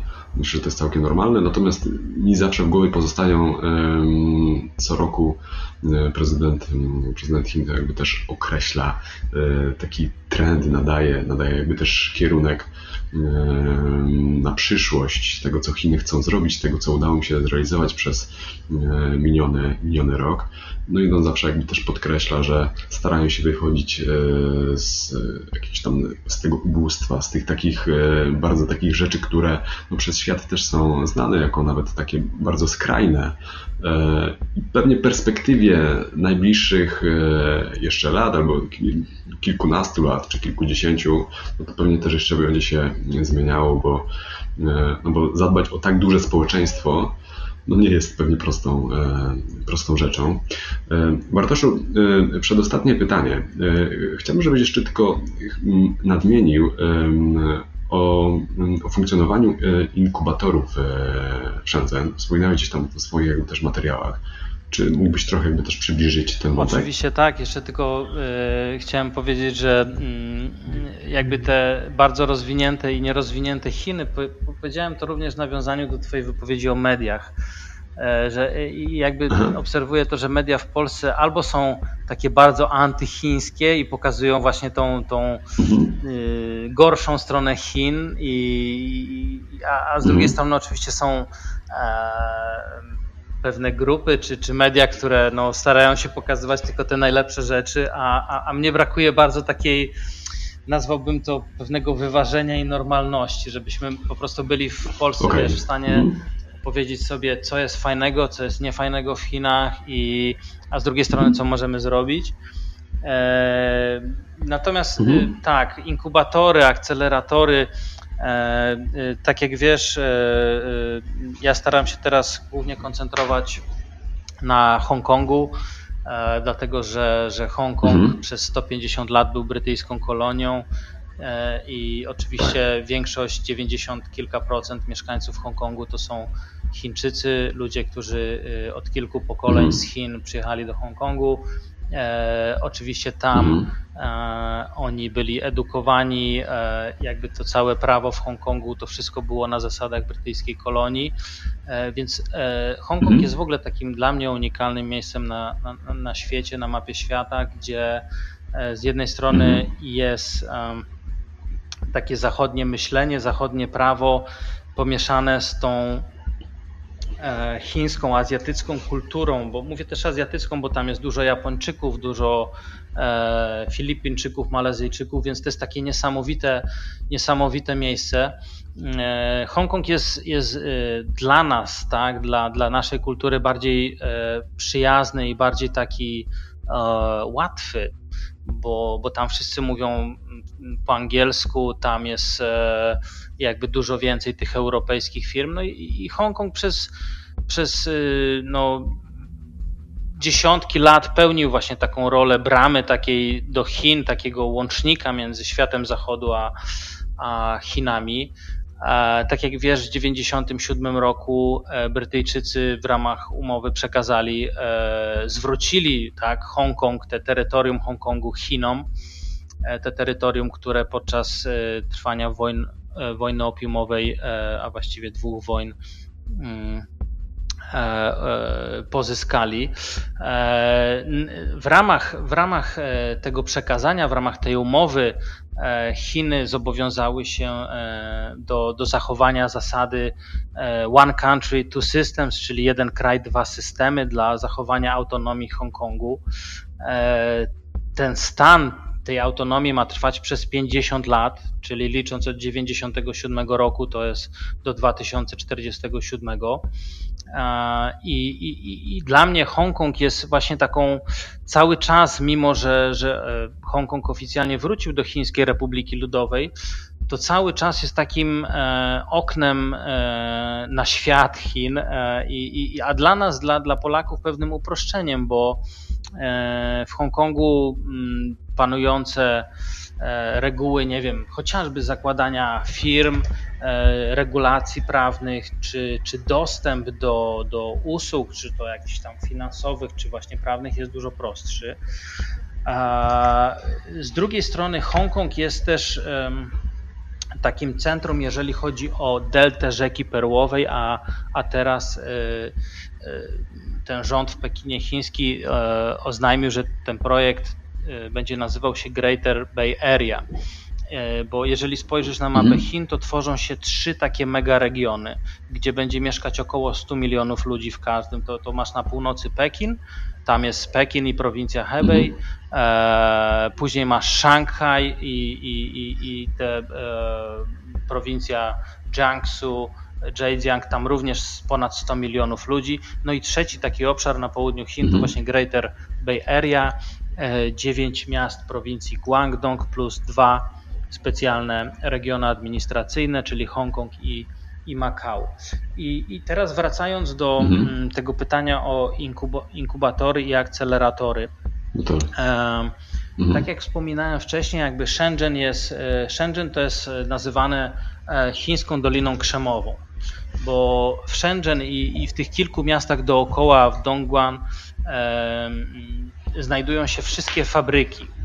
E, wcześniej, tak jak wspominałem, oni e, te, te, w tych fabrykach produkowane były, e, była elektronika dla firm zachodnich i przez wiele lat wytworzyło się również wiele firm chińskich, które oczywiście na początku jakoś tam inspirowały się tym wszystkim, pewnie kopiowały niektóre rozwiązania i tak dalej, i tak dalej. Dzisiaj jest to jedyne miejsce na świecie, E, to, to, to mogę powiedzieć, bo też rok temu byłem nie wiem, w Dolinie Krzemowej w Stanach, gdzie masz taką dostępność podzespołów, masz taką dostępność fabryk produkujących te urządzenia. W związku z tym, e, moim zdaniem, no, no nie ma lepszego miejsca na świecie, jeżeli jesteś producentem hardware'u, e, jakichś nowych technologii, żeby się rozwijać, żeby to produkować niż Shenzhen i, i, i ten Greater Bay Area. W związku z tym mm, ja bardzo serdecznie zachęcam wszystkie polskie firmy zajmujące się, działające w tym obszarze, żeby co najmniej się tym wszystkim zainteresowały. E, I udało mi się mm, w maju nagrać e, materiał wideo, bo tak jak ty staram się dotrzeć e, do, do, do, do szerszej grupy odbiorców z jakimś przekazem, pokazać im mhm pokazać im to, co się w Chinach dzieje, jakoś ich zainteresować, zainspirować. E, oczywiście mhm. głównie dla, dla przedsiębiorców, ale myślę, że, że ten materiał również e, mam nadzieję trafi do, do na przykład studentów jakichś uczelni technicznych czy medycznych, którzy może w przyszłości mhm. będą chcieli e, zająć się rozwijaniem tego typu technologii, po to, żeby im pokazać, co, co tam się mhm. dzieje, po to, żeby im pokazać na przykładach, co, co robią tam Polacy, E, I udało mi się nagrać materiał i, i, i wywiady, które już 1 września będzie premiera pierwszego odcinka. Jeden z Polaków jest w inkubatorze mm, w Hongkongu, a rozwija swoje okulary do sztucznej E, do wirtualnej rzeczywistości, do VR-u e, w Shenzhen, czyli on połączył jakby to rozwiązanie, o którym ja mówiłem. E, inkubator w Hongkongu nazywa się Cyberport. Jemu udało się tam dostać dofinansowanie do rozwoju swojej firmy. Bardzo ciekawe rozwiązania. I zresztą obaj panowie tutaj w tych wywiadach wspominają, że jakby dofinansowanie to jest tylko pewien element. To, to co jest najważniejsze w tych mhm. inkubatorach i akceleratorach, to jest e, dostęp do ludzi z wiedzą, e, szkolenia, know-how, e, bo, bo mm, mówię, myślę, mam nadzieję, że to również trafi do, do ludzi w Polsce, którzy się zajmują dystrybucją tego typu mhm. środków, bo nieraz są młode firmy, fajne z pomysłem, dostają środki, E, czasem nawet dosyć spore i, i, i, nagle okazuje się, że coś tam nie wychodzi, coś sobie nie radzą i, i ja właśnie się nad tym wszystkim zastanawiałem, mm, jak to, jak to powinno wyglądać i myślę, że, że te dwa przykłady, które będą w tym wideo, czyli z jednej strony ten inkubator Cyberport w Hongkongu, z drugiej strony będzie nagranie z takiego akceleratora HAX, to jest e, akcelerator i fundusz amerykański, który ma swoją mhm. siedzibę w Shenzhen, więc to też jest bardzo ciekawe, że polska firma dostała się do akceleratora amerykańskiego, gdzie najpierw mieli jakieś tam szkolenia, przygotowania w, mm, w Dolinie Krzemowej w USA, a później trafili właśnie, żeby rozwijać swój produkt robota społecznego e, w Shenzhen. Bo Amerykanie też wiedzą, że, że po mhm. prostu tam jest dostęp do tego wszystkiego. Tam jest też mm, inna prędkość działania. Ostatnio czytałem taki wywiad e, właśnie z firmą chińską e, odnośnie ich działania w Dolinie Krzemowej i oni tam narzekają, że jest bardzo ciężko coś po na przykład po 19 w Dolinie Krzemowej w USA załatwić, no bo wszyscy idą do domu, zajmują się rodziną, nie wiem, bieganiem, ogródkiem czy pójściem na piwo, a a, a, a w Shenzhen no, wszyscy pracują tam do późnego wieczora, bo po prostu każdy, no to jest miasto na dorobku, tak? To jest, to jest taki moment jakby w Chinach, mm. gdzie, gdzie każdy e, stara się e, e, jakoś znaleźć swoje miejsce. Także bardzo ważna mm, sprawa w tych inkubatorach, akceleratorach to jest nie, nie, nie same finansowanie, ale również dostęp do środowiska. E, dostęp do ludzi, którzy mogą mhm. ci powiedzieć, znają swoje doświadczenie, e, mają doświadczenie w określonej branży, nie wiem, e, masz szkolenia z marketingu, masz szkolenia z pitchowania, czyli z tego, jak, jak zachęcać inwestorów do twojej firmy, masz i, i to są mhm.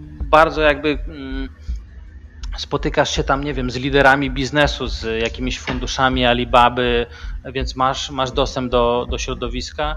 Z drugiej strony masz dostęp do, do tych wszystkich fabryk, do, y, do tego, żeby rozwijać swoje pomysły, czy może już nie pomysły, no właściwie produkty. E, no i oczywiście, jeżeli uda Ci się odnieść sukces, to bliskość tych fabryk e, sprawia, że, że jesteś w stanie to szybko przeskalować. Czyli jeżeli twój, twój mhm. produkt e, osiągnie sukces, to mm, jesteś w stanie, nie wiem, w przeciągu krótkiego czasu wyprodukować no nie 100, nie 1000, ale milion nie wiem, smartfonów, e, zegarków czy, czy cokolwiek tam wymyślisz. E, także, także w tym materiale wideo, bo to będą cztery odcinki wideo, właśnie mm, będą wywiady również pokazanie, jak takie inkubatory w Chinach wyglądają. E, myślę, że, że takie dwa ciekawe, najciekawszy to jest ten e, w Hongkongu, a drugi to jest ten akcelerator, bo właściwie akcelerator ma, ma na celu e, przyspieszenie rozwoju już jakiegoś produktu, a inkubator, inkubator mhm. to jest bardziej ten proces właśnie taki mm, wstępny tworzenia, tak, inkubacyjny, gdzie, mhm. e, gdzie dopiero pomysł zamieniamy mm, na produkt, także, także mm, dwa, myślę, że to będzie można też jakoś tam porównać, sobie zobaczyć. Dwa bardzo ciekawe wywiady, właśnie pokazanie tego, że Polacy robią tam bardzo, bardzo ciekawe rzeczy. No mam nadzieję, że to jakoś tam uda mi się e, zainspirować ludzi do, e, do tego, mhm. Mm, że warto się co najmniej zastanowić nad, nad rozwojem swojego e, startupu w Chinach. No i mówię takie też porównanie Hongkong bardziej jako takie miejsce rozwoju międzynarodowego, miejsce na pozyskanie finansów. Również sam Hongkong nazywa się takim miastem Azji, nie chińskim, tylko Azji, bardziej, że tutaj mhm. rzeczywiście te różne okay. miejsca azjatyckie się spotykają, czy to Indonezyjczycy, Malezyjczycy, no jakby dużo firm europejskich czy amerykańskich robi swoje centrale na Azję właśnie w Hongkongu. No a z drugiej strony Shenzhen, gdzie, gdzie masz dostęp do, do tych wszystkich fabryk, elektroniki. Udało mi się tam no zrobić no tak. nagranie na no tym tak. E, słynnym mhm. markecie Huaqiang Bay, E, to, to tak jak w Warszawie byś całą marszałkowską zamienił e, w stoiska z elektroniką, no i absolutnie wszystko możesz, tam jest taki film na, na YouTubie, gdzie gdzie, gdzie ktoś tam pojechał na pół roku i złożył iPhone'a, po prostu chodził po tym markecie, tu kupił wyświetlacz, tu kupił obudowę, tu kupił guziczek, tu kupił procesor i byś nie rozpoznał, tak? I jakby ten telefon działał, więc więc to jest niesamowite miejsce. No, ja osobiście sobie nie, no nie ma takiego miejsca w Polsce. Oczywiście możesz kombinować, e, zamawiać różne części gdzieś tam z mhm. internetu, chodzić, prototypować, ale e, tam naprawdę jak wchodzisz do tego marketu, jednego z tych marketów i masz 10 pięter, na każdym po nie wiem, 100, 200, 300 stanowisk, tutaj masz jakieś tam lampki LED, tu wyświetlacze, tu właśnie jakieś procesory, tu coś tam to, to yy, dla ludzi, którzy się zajmują robieniem e, hardware'u, robieniem jakichś tam robotów, prototypów, to, to, jest, to jest bardzo fajne mhm. miejsce. Bartoszu, zbliżamy się do końca. Chciałbym, żebyś na, na samym końcu naszym słuchaczom e, opowiedział w skrócie tak naprawdę e, o Twoich inspiracjach, czyli książkę, którą byś zarekomendował osobowość może jakąś masz, którą też byś polecił śledzić nie w mediach społecznościowych, albo, albo warto po prostu też jego jakieś tam publikacje poznać. No i tak lifestyle'owo typowo jakiś film, żebyś zarekomendował. To tyle. Gdybyś, gdyby ci się udało, tak w skrócie jakby też e, do tego wątku. Okej, okay, dobrze, dobrze. To tak. E, książek e, czytam ostatnio bardzo dużo, jak tylko mam, mam czas i znajdę, także tak sobie pomyślałem, że mhm. Mm, chciałbym Wam, y, Tobie i, i, i, tym, którzy wysłuchają tego, zarekomendować dwie książki. Jedna to jest taka lekka, wakacyjna, można powiedzieć, lektura. O, jest to książka mhm. napisana przez założyciela firmy Nike. Nazywa się, nazywa się Sztuka Zwycięstwa, Phil Knight. E, mhm. Super książka, mhm. jeżeli jesteście mm, zainteresowani Azją, Chinami, która opisuje jak właśnie założyciel Nike'a jakieś 30 lat temu, czy tam w latach 80. zaczął latać najpierw do Japonii, później do Chin. E, jak właśnie stykał się z tymi różnicami kulturowymi, no ja osobiście czytając tą książkę po prostu śmiałem się na głos, bo, bo takie same sytuacje, jakie ja doświadczałem, to e, on opisuje z lat 80. Mhm. Bardzo fajnie, lekko napisana książka. E, druga książka, którą bym chciał Wam zarekomendować i w ogóle bardzo ciekawy temat, to jest sztuczna inteligencja. Jest książka, mhm. jest książka o tytule AI Superpowers China Silicon Valley i mhm. napisana przez Kai Fuli, okay. E, który, który wcześniej był prezesem Google w Chinach. Bardzo ciekawy obszar, jeżeli chodzi o sztuczną inteligencję. Już tak króciutko tylko powiem. Ogólnie rozwój sztucznej inteligencji jest uzależniony na obecnym etapie od tego, jak dużo danych posiadasz, jak dużo danych jesteś w stanie tak. przepraszam za słowo, wrzucić do, do, do systemu, także e, Chińczycy no, mają ogromną tutaj przewagę, bo wszyscy są podłączeni do telefonów, płatności mobilne i tak dalej, już się nie będę rozwodził. Bardzo, bardzo ciekawa książka, myślę, że pokazuje e, obszar rozwoju. Jeżeli chodzi, polecamy, tak. Mhm, jeżeli chodzi o, o film, to chciałbym polecić film o. To nie jest twórca McDonalda, ale osoba, która która rozwinęła, e, może to nie jest związane z Chinami, ale e, e, e okej. Okay. Także polecam Mac Imperium. E, film, który pokazuje mm, okay. życie przedsiębiorcy, który tak naprawdę rozwinął McDonalda, nie założył go. E, bardzo, bardzo ciekawa historia, jakby dla, dla osób, które gdzieś tam w luźny sposób chcą, chcą sobie obejrzeć coś o, o, o przedsiębiorczości i o biznesie. E, z filmów również chciałbym Wam polecić e, na, na YouTubie, mm, jeżeli sobie wpiszy, wpiszecie Hello World Bloomberg. To jest taka, taki, e, mhm. to jest taki serial online i między innymi są trzy odcinki o, o Chinach, o Shenzhen. Bardzo ciekawe, bardzo ciekawe nagrania. Mhm. E, także takie cztery pozycje. Mm. Okej, okay, rozumiem. A proszę powiedz mi jeszcze tylko, masz jakąś taką osobowość, którą gdzieś tam też w mediach obserwujesz i podążasz za, nie wiem, za jego też treściami, jakimiś publikacjami, artykułami? Trudne pytanie, bo, bo tak naprawdę staram się e, staram się mhm. podążać za osobami, za, mm, które, które tworzą e, coś od zera, czyli za takimi przedsiębiorcami. E, e, to, to okay. nie, nie, musi być zawsze związane z Chinami, mm. także lubię, e, lubię obserwować i, i w ogóle rozmawiać, spotykać się z mm. ludźmi, którzy, którzy coś rozwijają, tworzą. Jest to, jest to dla mnie inspiracją i, i jakby rozmowa z nimi nie tylko mm. o sukcesach, ale również o, o różnego wyzwaniach i, i, i rozwiązaniach. Także Mhm. Mam kilka osób, z którymi jakby regularnie się spotykam, rozmawiam, ale oni nie publikują jeszcze za dużo w social mediach, także ciężko jest ich okay. jakoś tam obserwować, więc e, może zostawmy to pytanie otwarte, Rozumiem. jak mi coś wpadnie do głowy, to, to, to napiszę. Dobrze, oczywiście. No oczywiście, ale rozumiem, rozumiem Twój klucz. Rozumiem Twój klucz, jakby też w jaki sposób podchodzisz do tak naprawdę do budowania trochę takiego networkingu e, swojego, albo takiej sieci Mm, sieci kontaktów. E, myślę, że jedno chyba z takich bardzo ciekawych e, porównań, o którym właśnie też Ty mówisz, e, jest, jest właśnie też ten fakt obracanie się wśród osób, które działają w jakimś obszarze, e, ponieważ spotykając się z tymi osobami, rozmawiając, wymieniając się tymi doświadczami, doświadczeniami, no najszybciej, e, najszybciej się uczymy. Książka e, czy jakieś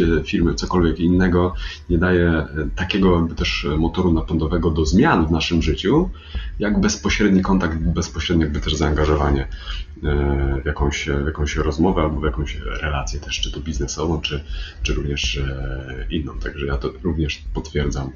Spotkania osobiste bądź rozmowy z jakimiś przedsiębiorcami, osobami, które coś zmieniają, bardzo dużo, bardzo dużo uczą.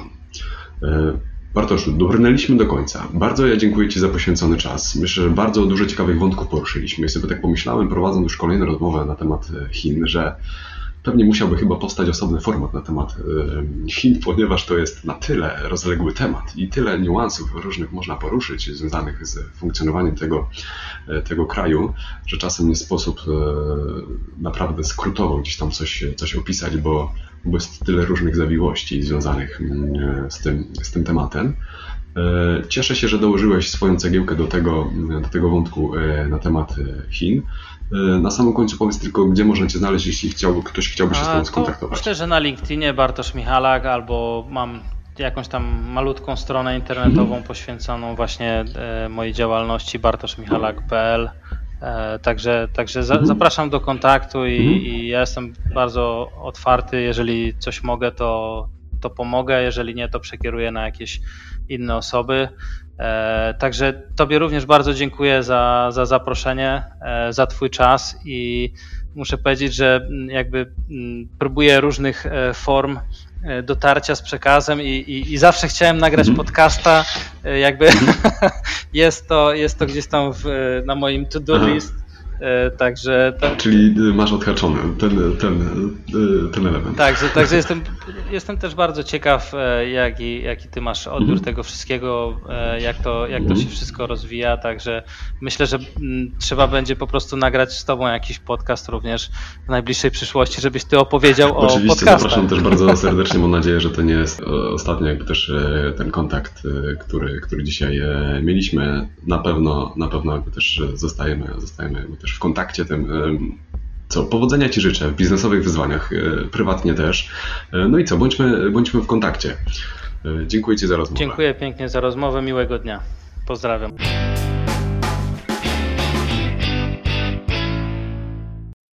Myślę, że wiedza o tym kraju nigdy nie zostanie wyczerpana. Jak mogliście zauważyć, mówiąc o Chinach i o współpracy z nimi, od razu trzeba postawić sprawę jasno. Mamy konkretny plan, świetną analizę rynku, sprawdzonego konsultanta biznesowego z chińskim językiem oraz świadomość tego, że zaczynamy od jednego regionu. Chiny to najludniejsze państwo świata i jeśli e, chcecie szerzej spojrzeć na ich potrzeby, musicie być pewni jednego. Dla Chińczyków liczy się przede wszystkim świetna jakość produktów i dobre relacje biznesowe, liczając w to poznanie się również bardziej na gruncie prywatnym. Szukajcie więc takiej drogi, która pozwoli Wam się po pierwsze dobrze przygotować do ekspansji lub testów, a później starajcie się weryfikować swoje założenia. Chińczycy otwierają się na świat bardziej niż się spodziewacie.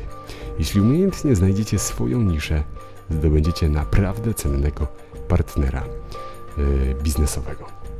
Mam nadzieję, że był to dla Was odcinek pełen takiej interesującej wiedzy, i sprawi, że Wasze podejście do kraju, który jest już y, w kategorii y, najbogatszych państw świata, wliczając to ilość firm, które reprezentują, to przegonił on tak naprawdę, wliczając również w Chiny Tajwan, przegonił on w rankingu Stany Zjednoczone.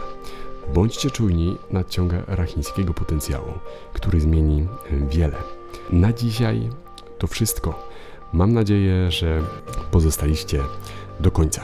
Zapraszam serdecznie do subskrybowania tego podcastu na wszystkich e, aplikacjach podcastowych dostępnych na telefonie, również na iTunesie, na Spotify, na SoundCloudzie e, czy na Google Podcast, tam gdzie słuchacie swoich e, ulubionych podcastów. Zachęcam również do pozostawienia jakichś komentarzy, recenzji. Dajcie mm, znać czy ten odcinek był dla Was naprawdę wartościowy. Jeśli tak jest, to zapraszam serdecznie też do, do dalej, bo na pewno to będzie duża e, nobilitacja dla, dla moich gości, którzy naprawdę z e, ochotą dzielą się e, swoją wiedzą. Serdecznie raz jeszcze dziękuję. Pozdrawiam. Kamil Zaremski. Do usłyszenia już wkrótce.